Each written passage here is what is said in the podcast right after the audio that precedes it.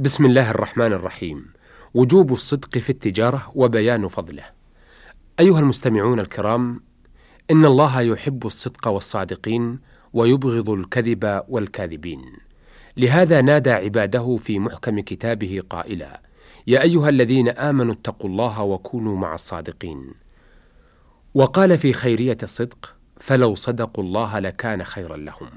وأساس الصدق أيها الأخوة تقوى الله سبحانه فإنها صفة الصادقين.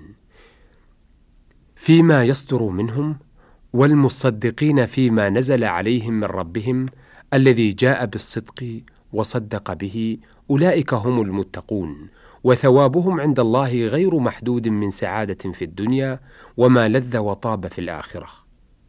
ومن تكفير للسيئات ومضاعفة للحسنات لهم ما يشاءون عند ربهم ذلك جزاء المحسنين ليكفر الله عنهم أسوأ الذي عملوا ويجزيهم أجرهم بأحسن الذي كانوا يعملون.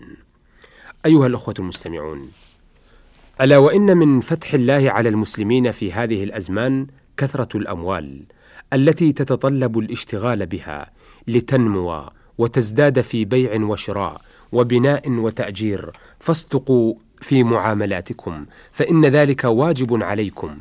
فإن سألتم عن دليل وجوبه من قول نبيكم فاسمعوا ما روي عنه. أنه خرج إلى المصلى فرأى الناس يتبايعون فقال يا معشر التجار فاشرأبت أعناقهم استجابة لنداء رسول الله صلى الله عليه وسلم فقال: إن التجار يبعثون يوم القيامة فجارا إلا من اتقى الله وبر وصدق. فلو لم يكن الصدق والبر واجبان لما حكم عليهم بالفجور. وفي الروايات الأخرى كما قال عليه الصلاة والسلام: إن التجار الفجار قالوا أليس الله أحل البيع وحرم الربا قال بلى ولكنهم يحلفون ويحدثون فيكذبون وإن سألتم عن بركة الصدق في التجارة أو محق البركة منها وجدنا بركة التجارة في الصدق ومحقها بسبب الكذب.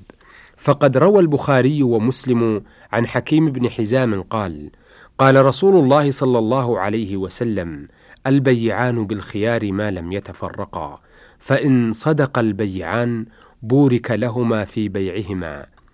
اليمين الفاجرة منفقة للسلعة ممحقة للكسب. وإن سألتم عن طيب كسب التاجر الصادق المتقيد في بيعه وشرائه بشرع الله فإليكم ما رواه البيهقي عن معاذ بن جبل. إن أطيب الكسب كسب التجار الذين إذا صدقوا لم يكذبوا وإذا اؤتمنوا لم يخونوا وإذا وعدوا لم يخلفوا وإذا اشتروا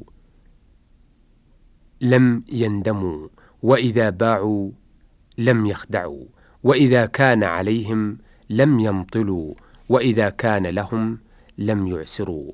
وإن سألتم عن فضل الصدق في التجارة ومنزلة التجار الصادقين عند ربهم فإليكم ما ورد في حديث أبي سعيد الخدري عن النبي صلى الله عليه وسلم قال التاجر الصدوق الأمين مع النبيين والصديقين والشهداء. ومن هذه منزلته من التجار هو التاجر المسلم الصدوق لأنه يصدق امتثالا لأوامر الله طلبا لثوابه وخوفا من عقابه. أما الكافر فصدقه من أجل الإنسانية ومن أجل السمعة الدنيوية وليس له علاقة في الأمور الأخروية. قال صلى الله عليه وسلم فيما رواه ابن ماجه عن ابن عمر قال التاجر الأمين الصدوق المسلم مع الشهداء يوم القيامة فهذا فضل التاجر الصدوق مع الأنبياء والشهداء والصالحين. وأما مكانته يوم القيامة فهي أقرب مكانة عند الله يظله الله تحت ظله يوم لا ظل إلا ظله. ففي الحديث عن أنس عن النبي صلى الله عليه وسلم قال التاجر الصدوق تحت ظل العرش يوم القيامة. أيها الأخوة المستمعون لنتق الله جميعا تجارا وغير تجار ولنراقب الله في كل تصرفاتنا.